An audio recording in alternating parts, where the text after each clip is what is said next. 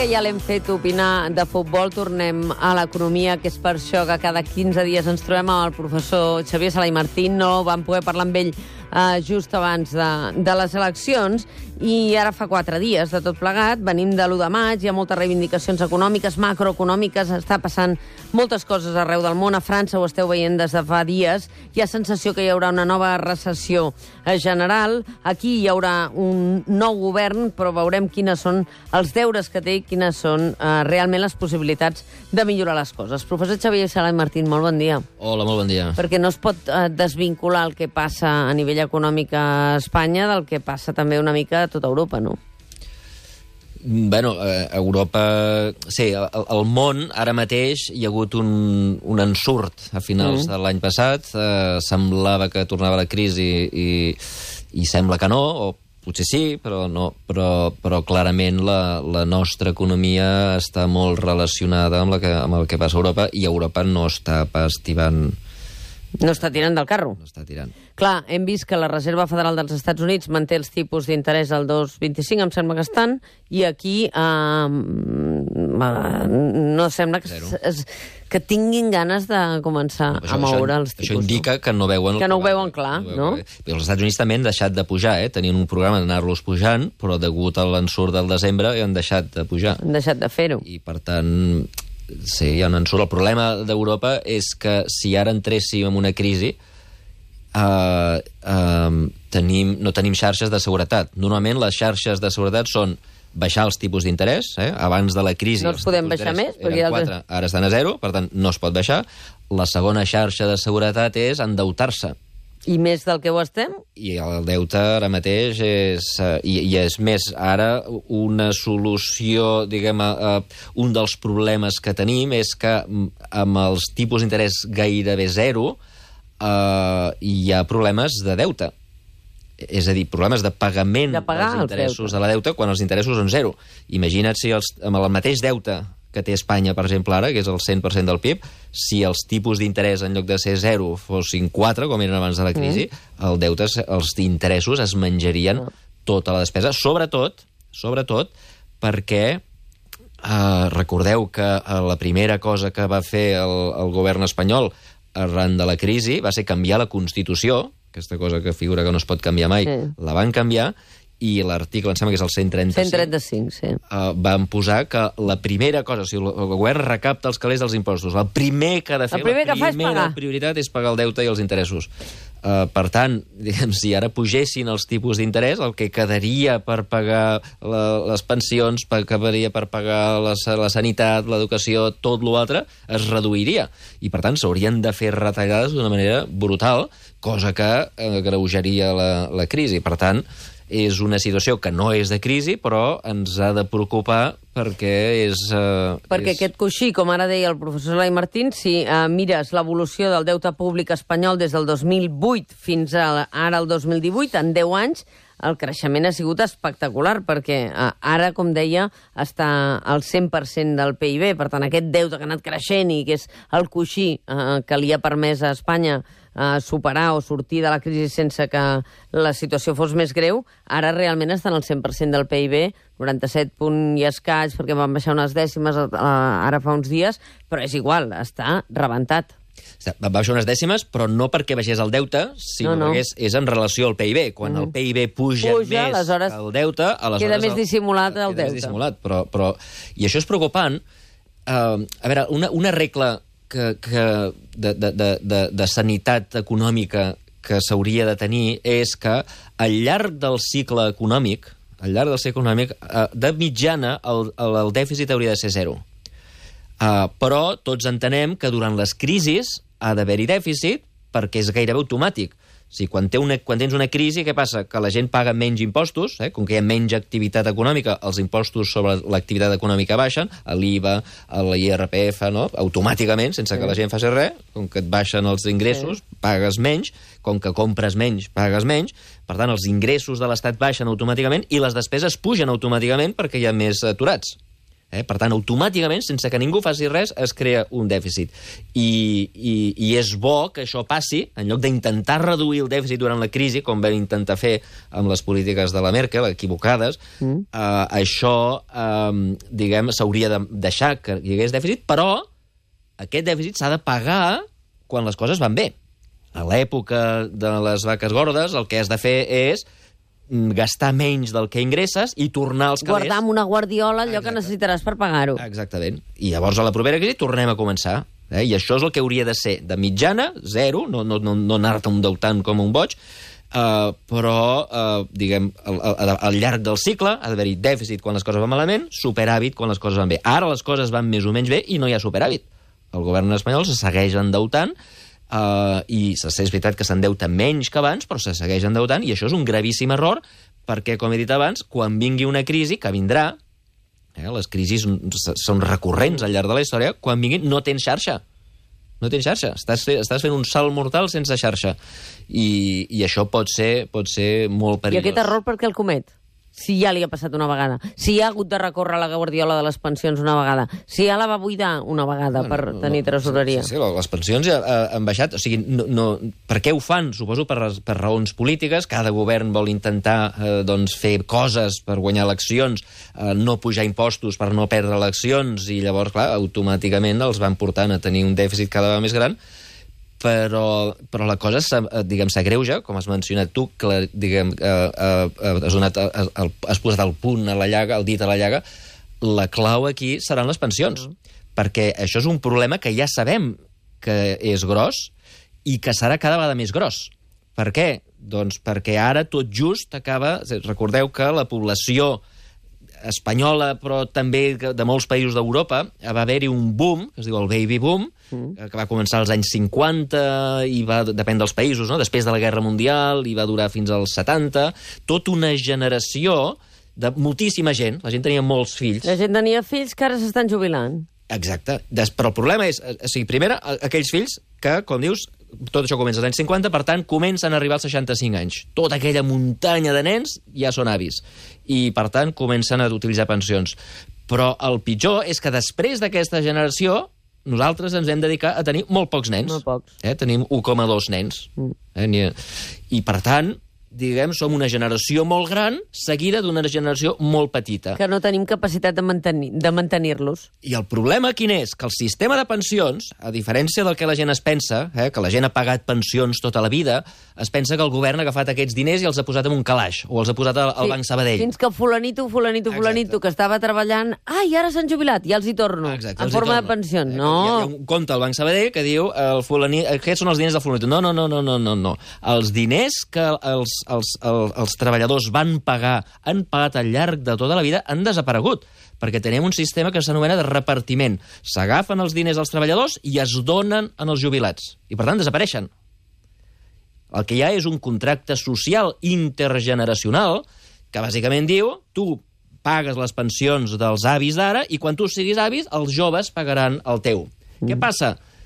Que, clar, els baby boomers estan en una generació que hi haurà molts avis i pocs joves. Per tant, molt pocs joves hauran de pagar una muntanya de pensions. I no hi ha calés. Per solucionar aquest problema, que ja es veia, perquè això, això no, no és una, una cosa que ha passat ara de sobte, això ho sabem des dels anys 50. És més, els demògrafs eh, i els estudiosos d'això va molt temps que ens ho diuen. Ja, ja ho sabem, ho sabem, és una cosa prevista, i com que ja estava previst, el govern espanyol fa temps va fer una caixa de la Seguretat Social és a dir, posarem uns, uns diners extras a la caixa, en lloc de repartir-los tots entre els avis, en agafarem uns quants i els anem posant en una caixa de seguretat. Eh? Una caixa de seguretat. Però, tots recordeu les notícies, en els darrers anys el PP se'ls ha polit tots. O sigui, la caixa aquesta de seguretat ja no queda res. Ja no queda res. De fet, hi ha deutes, eh? s'han endeutat sí, sí. per sobre del Quan que va arribar a ser de 60.000 milions d'euros, si no em falla la memòria. Em sembla que sí. Total, que, que, que no hi ha caixa de seguretat, els joves cada vegada són menys, eh, la taxa d'atur és molt, molt elevada, molt més que la resta d'Europa, eh, i per tant, diguem, eh, com, que, com que les pensions venen dels, de, la, de les cotitzacions dels que treballen, Clar, si hi ha molta gent que no treballa, hi ha menys, menys diners per repartir entre els avis, cada vegada més avis, i la cosa va empitjorant, perquè ara tot just s'acaben de jubilar els primers baby boomers.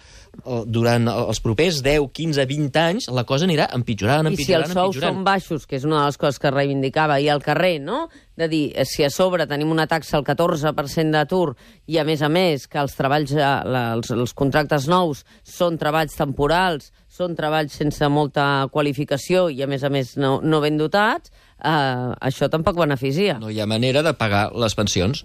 I, i llavors tornem al tema del dèficit. Clar, eh, d'on sortiran aquests calés? Doncs sortiran dels impostos de tots. Arribarà un govern que no, no hi haurà cap govern que digui escolta'm, s'han acabat les pensions. No hi haurà cap govern que s'atreveixi a dir als avis se'ls redueix la meitat les pensions. Eh, perquè, clar, encara que no hi hagi un compte al Banc de Sabadell amb el teu nom, sí que hi ha un, una promesa De que jo cobraré de la pensió. Tota la vida tu et Clar. donem els diners i els donem als avis, però per, a, a tu et donarem els calés que corresponen. I, per tant, eh, la gent voldrà exigir. I és més, des del punt de vista polític, fixa't que els avis tindran molt poder, perquè seran molts. Sí, sí, clar. I, per tant, diguem, el qui s'atreveixi a reduir les pensions perdrà totes les eleccions, perquè massivament eh, tots els baby boomers votarem en, en contra d'aquest partit. Per tant, les pensions s'hauran de pagar, els interessos s'hauran de pagar perquè ho diu la Constitució, que és sagrada. Uh, I, I la, la resta? O sigui, La resta és el que rebrà. Quedaran pocs diners per la resta. Per res. Clar, per pagar salut, per pagar educació, que és un dels cavalls de batalla Exactament. eh, que sempre eh, ens recorda Sala Martín que si no invertim sistemàticament en educació, a part de tot, aquest sistema productiu cada vegada serà de menys qualitat Exactament. i aleshores els sous sistemàticament també seran més baixos, no? L'I més D serà més baix, la productivitat serà més baixa, perquè no invertirem en les coses que afecten la productivitat, que és el que permet generar salaris elevats. Per tant, hi ha, hi ha un problema greu que, de moment, ningú, eh, ningú el vol afrontar, perquè, clar, com que Espanya creix el 3% i Catalunya creix gairebé també el 3% i tal, doncs mira, anem tirant, anem trampejant, uh, però algú hauria d'afrontar. Això són problemes de fons que, insisteixo, no són una sorpresa que, conjunturals. que, que ve per la crisi. No, no, ja ho sabem. Per tant, no, no. amb la qüestió de les pensions, qualsevol país, eh, i l'altre dia tenia eh, representants del món sindical que ho deien, no? com amb el salari mínim, ells deien, ells reivindicaven que els salaris mínims a nivell europeu haurien de ser més o menys homogenis, perquè deien que això eh, trauria l'espantall de, la, de les deslocalitzacions. No? Aquesta era la, la perspectiva de, del representant sindical de, de Nissan, que era aquí. No? Però des del punt de vista europeu sí que hi hauria d'haver un cert pacte sobre les polítiques de pensions dels diferents estats, és a dir, que, que realment això es mantingués amb un pacte similar al que van tenir per altres qüestions i, i no s'especulés amb això, no? Però la pregunta és si el pacte... El pacte diguem, pots fer un pacte, eh, però la pregunta és d'on sortiran els calés. Mm. I llavors només hi ha dues maneres. O es fa pagar més impostos, Sí. o aquesta despesa extra que vindrà de, de, de, de les pensions, que per cert no només seran les pensions, eh?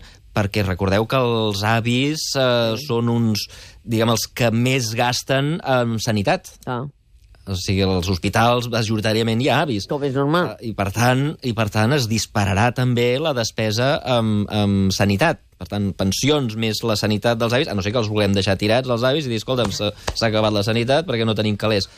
Uh, per tant, eh, diguem, el problema és o, o, o deixem d'atendre els avis o els hi baixem les pensions, és a dir, cosa que no passarà, perquè, com ja t'he dit, cada vegada tindran més poder polític, ja que són, seran cada vegada més, o bé pugem els impostos, o bé reduïm la despesa d'una altra banda. O sigui, no, no hi ha més, no hi ha, no hi ha possibilitat. Sí, hi hauria possibilitat de seguir-se endeutant, però el, el deute... Sí, però cada vegada que s'endeuten més, la Unió Europea sobre això sí que els hi crida l'atenció i els hi diu ei, que us esteu passant de la ratlla, no? Sí, però no, no els hi és- diu preocupeu-vos per les pensions i deixeu Sí. d'especular o, o de o de gastar-vos aquests diners. Sí, però Europa fa la vista grossa, eh? eh recorda per que això. les normes europees diuen que el deute ha de ser per sota del 60% i està al 100%. I estem al 100%. El, eh, també diu que el dèficit ha de ser menys del 3% i es, durant tota la crisi ha estat per sobre. El Montoro ha anat manipulant els números, incloent la, la prostitució i les drogues i no sé què per, per quadrar els números, eh, però, però bàsicament eh, eh, doncs els hem saltat tots els europeus quan ens ha convingut. Eh, però hi ha una altra, no, una altra raó per no fer-ho, que no és que ho digui la Unió Europea, sinó que és perillós com ja he dit abans, els tipus d'interès se't menjaran tota la despesa. Ah, perquè eh, els- per una banda. La despesa en interessos del deute a Espanya són 30.000 milions d'euros. Sí, I ara que els tipus d'interès són gairebé zero. Imagina que els tipus d'interès es multipliquen per 4, per 5 o per 6, aquest 30.000 es multiplica per 4, per 5 o per 6. I, per tant, s'ho menja tot. O sigui, 30.000 milions és el doble del que gastem en subsidis d'atur. El doble del que gastem en subsidis d'atur. Si això es multiplica per 4, és que pot ser que, es- que es multiplicarà per 4 el dia que els tipus d'interès es multipliquin per 4, i insisteixo, multiplicar per 4 no és una bogeria. 4% és el que teníem abans de la crisi. És una cosa normal. Per tant, eh, diguem, és, és és una situació econòmicament perillosa. Insisteixo, deixant de banda del que digui Europa, és una situació perillosa. Hi ha estudis eh, eh, molt famosos de, de gent de Harvard, com el Ken Rogoff, que mostren que quan els països estan molt endeutats hi ha un gran risc de patir el que seria un atac de cor a l'economia que s'anomena el sudden stop, una, una, Una aturada sobtada. una, una aturada sobtada. Per què? Doncs perquè, clar, tu el deute el financies endeutant-te una altra vegada. És a dir, en lloc de tornar els calés, què fas? Doncs Qui me'n dona més? Qui me'n dona el vas més? posposant, el vas posposant, eh? Ara no t'ho torno, però l'any que ve, llavors els, els estats constantment van emetent deute. Però què passa si de sobte ningú... Ningú et fia. Ningú, ningú te fia. Ja no et fia ningú. I això passa molt sovint. Argentina, a Venezuela... és com quan De eh, les grans empreses demanen préstecs a tots els bancs, eh, amb aquests préstecs sindicats, i al final els bancs diuen, no, no, escolta'm, Els has de ja tornar n'hi ha i punt. prou. Torna'ls, perquè o torna'ls o plega. Exacte. Uh, això els hi passa a les famílies. Sí, sí. Eh? Les famílies, si tu et vas endeutant, endeutant, hi ha un moment que el banc diu prou, i si el banc et dit prou, aleshores sí que has de quadrar els números. Aleshores has d'igualar els ingressos i les despeses. I en aquell moment hauràs de fer retallades brutals. I en aquell moment... I això ha passat, passa sovint, passa sempre. Els països d'Amèrica Llatina això ho tenen estudiadíssim. Uh, de sobte, no saps ben bé per què, els agafa un pànic als inversors i diu Argentina, prou i aleshores tens un gravíssim problema. Això, eh, diguem, economies com Japó, que estan molt endeutades, o els Estats Units, és possible que amb ells no els hi passi, perquè eh, són països que la gent se'n fiarà gairebé sempre. Uh, però a, a nosaltres es pot passar com els grecs, que de sobte els bancs diuen prou. I si diuen prou, què?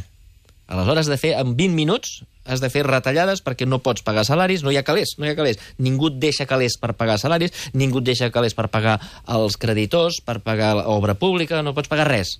Llavors has de quadrar els números. Uh, I això provoca una crisi, una estampida de capitals, uh, això és un, una, una aturada cardíaca d'un país, que és una cosa que passa molt sovint. Quan els deutes estan al voltant del 100%, calculen aquests, uh, aquests estudis de, de Ro- Rogor, Gorrogoff i Reinhardt, doncs hi ha un gran perill, és com el colesterol, eh? Hi ha un, un gran perill de que, Que això et passi. un atac de cor. De que això et passi. Per tant, eh, en un minut, eh, perquè són i 59, eh, què li diries a Pedro Sánchez? Eh, Quina és la primera mesura econòmica que hauria de prendre perquè no li agafi aquest atac de cor a l'economia espanyola? Home, jo gratis no dono consells, eh, Pedro Sánchez. Ai, molt bé. Escolta, no, però certament això de no tenir pressupostos, a més, fa que els governs no marquin prioritats. Sí, a veure... Vinga, prorrogats, prorrogats, no? Això, això ho parlàvem l'altre dia, eh, tu i jo, recorda que, que quan els Estats Units eh, es tanquen el govern, sí. eh, clar, eh, aquí les, la, el prorroguem, no? Els Estats Units tenen claríssim que els de diners fer? són dels ciutadans Ah. i si el govern, eh, el govern no pot gastar, el Trump no pot gastar els diners dels ciutadans, ha de tenir l'aprovació del representant dels ciutadans, que és el Congrés. I si no el té, doncs no pot gastar, es tanca el govern. Aquí no fem això, aquí el que fem és, si no tens la, el suport del Congrés, doncs segueixes gastant el que gastaves l'any passat. És I ja el està. prorrogues i, i segueixes fent el... Uh, doncs, mira, és el sistema que tenim. Sí, i és el que hi ha. Crec que és una responsabilitat, sobretot de cara als ciutadans, els, els que contribuïm, però és el sistema que hi ha. Seguirem fent pròrrogues i pròrrogues i gastant sense que ningú t'hagi donat permís per gastar els nostres diners. Xavier Saray Martín, visca el Barça, moltes gràcies.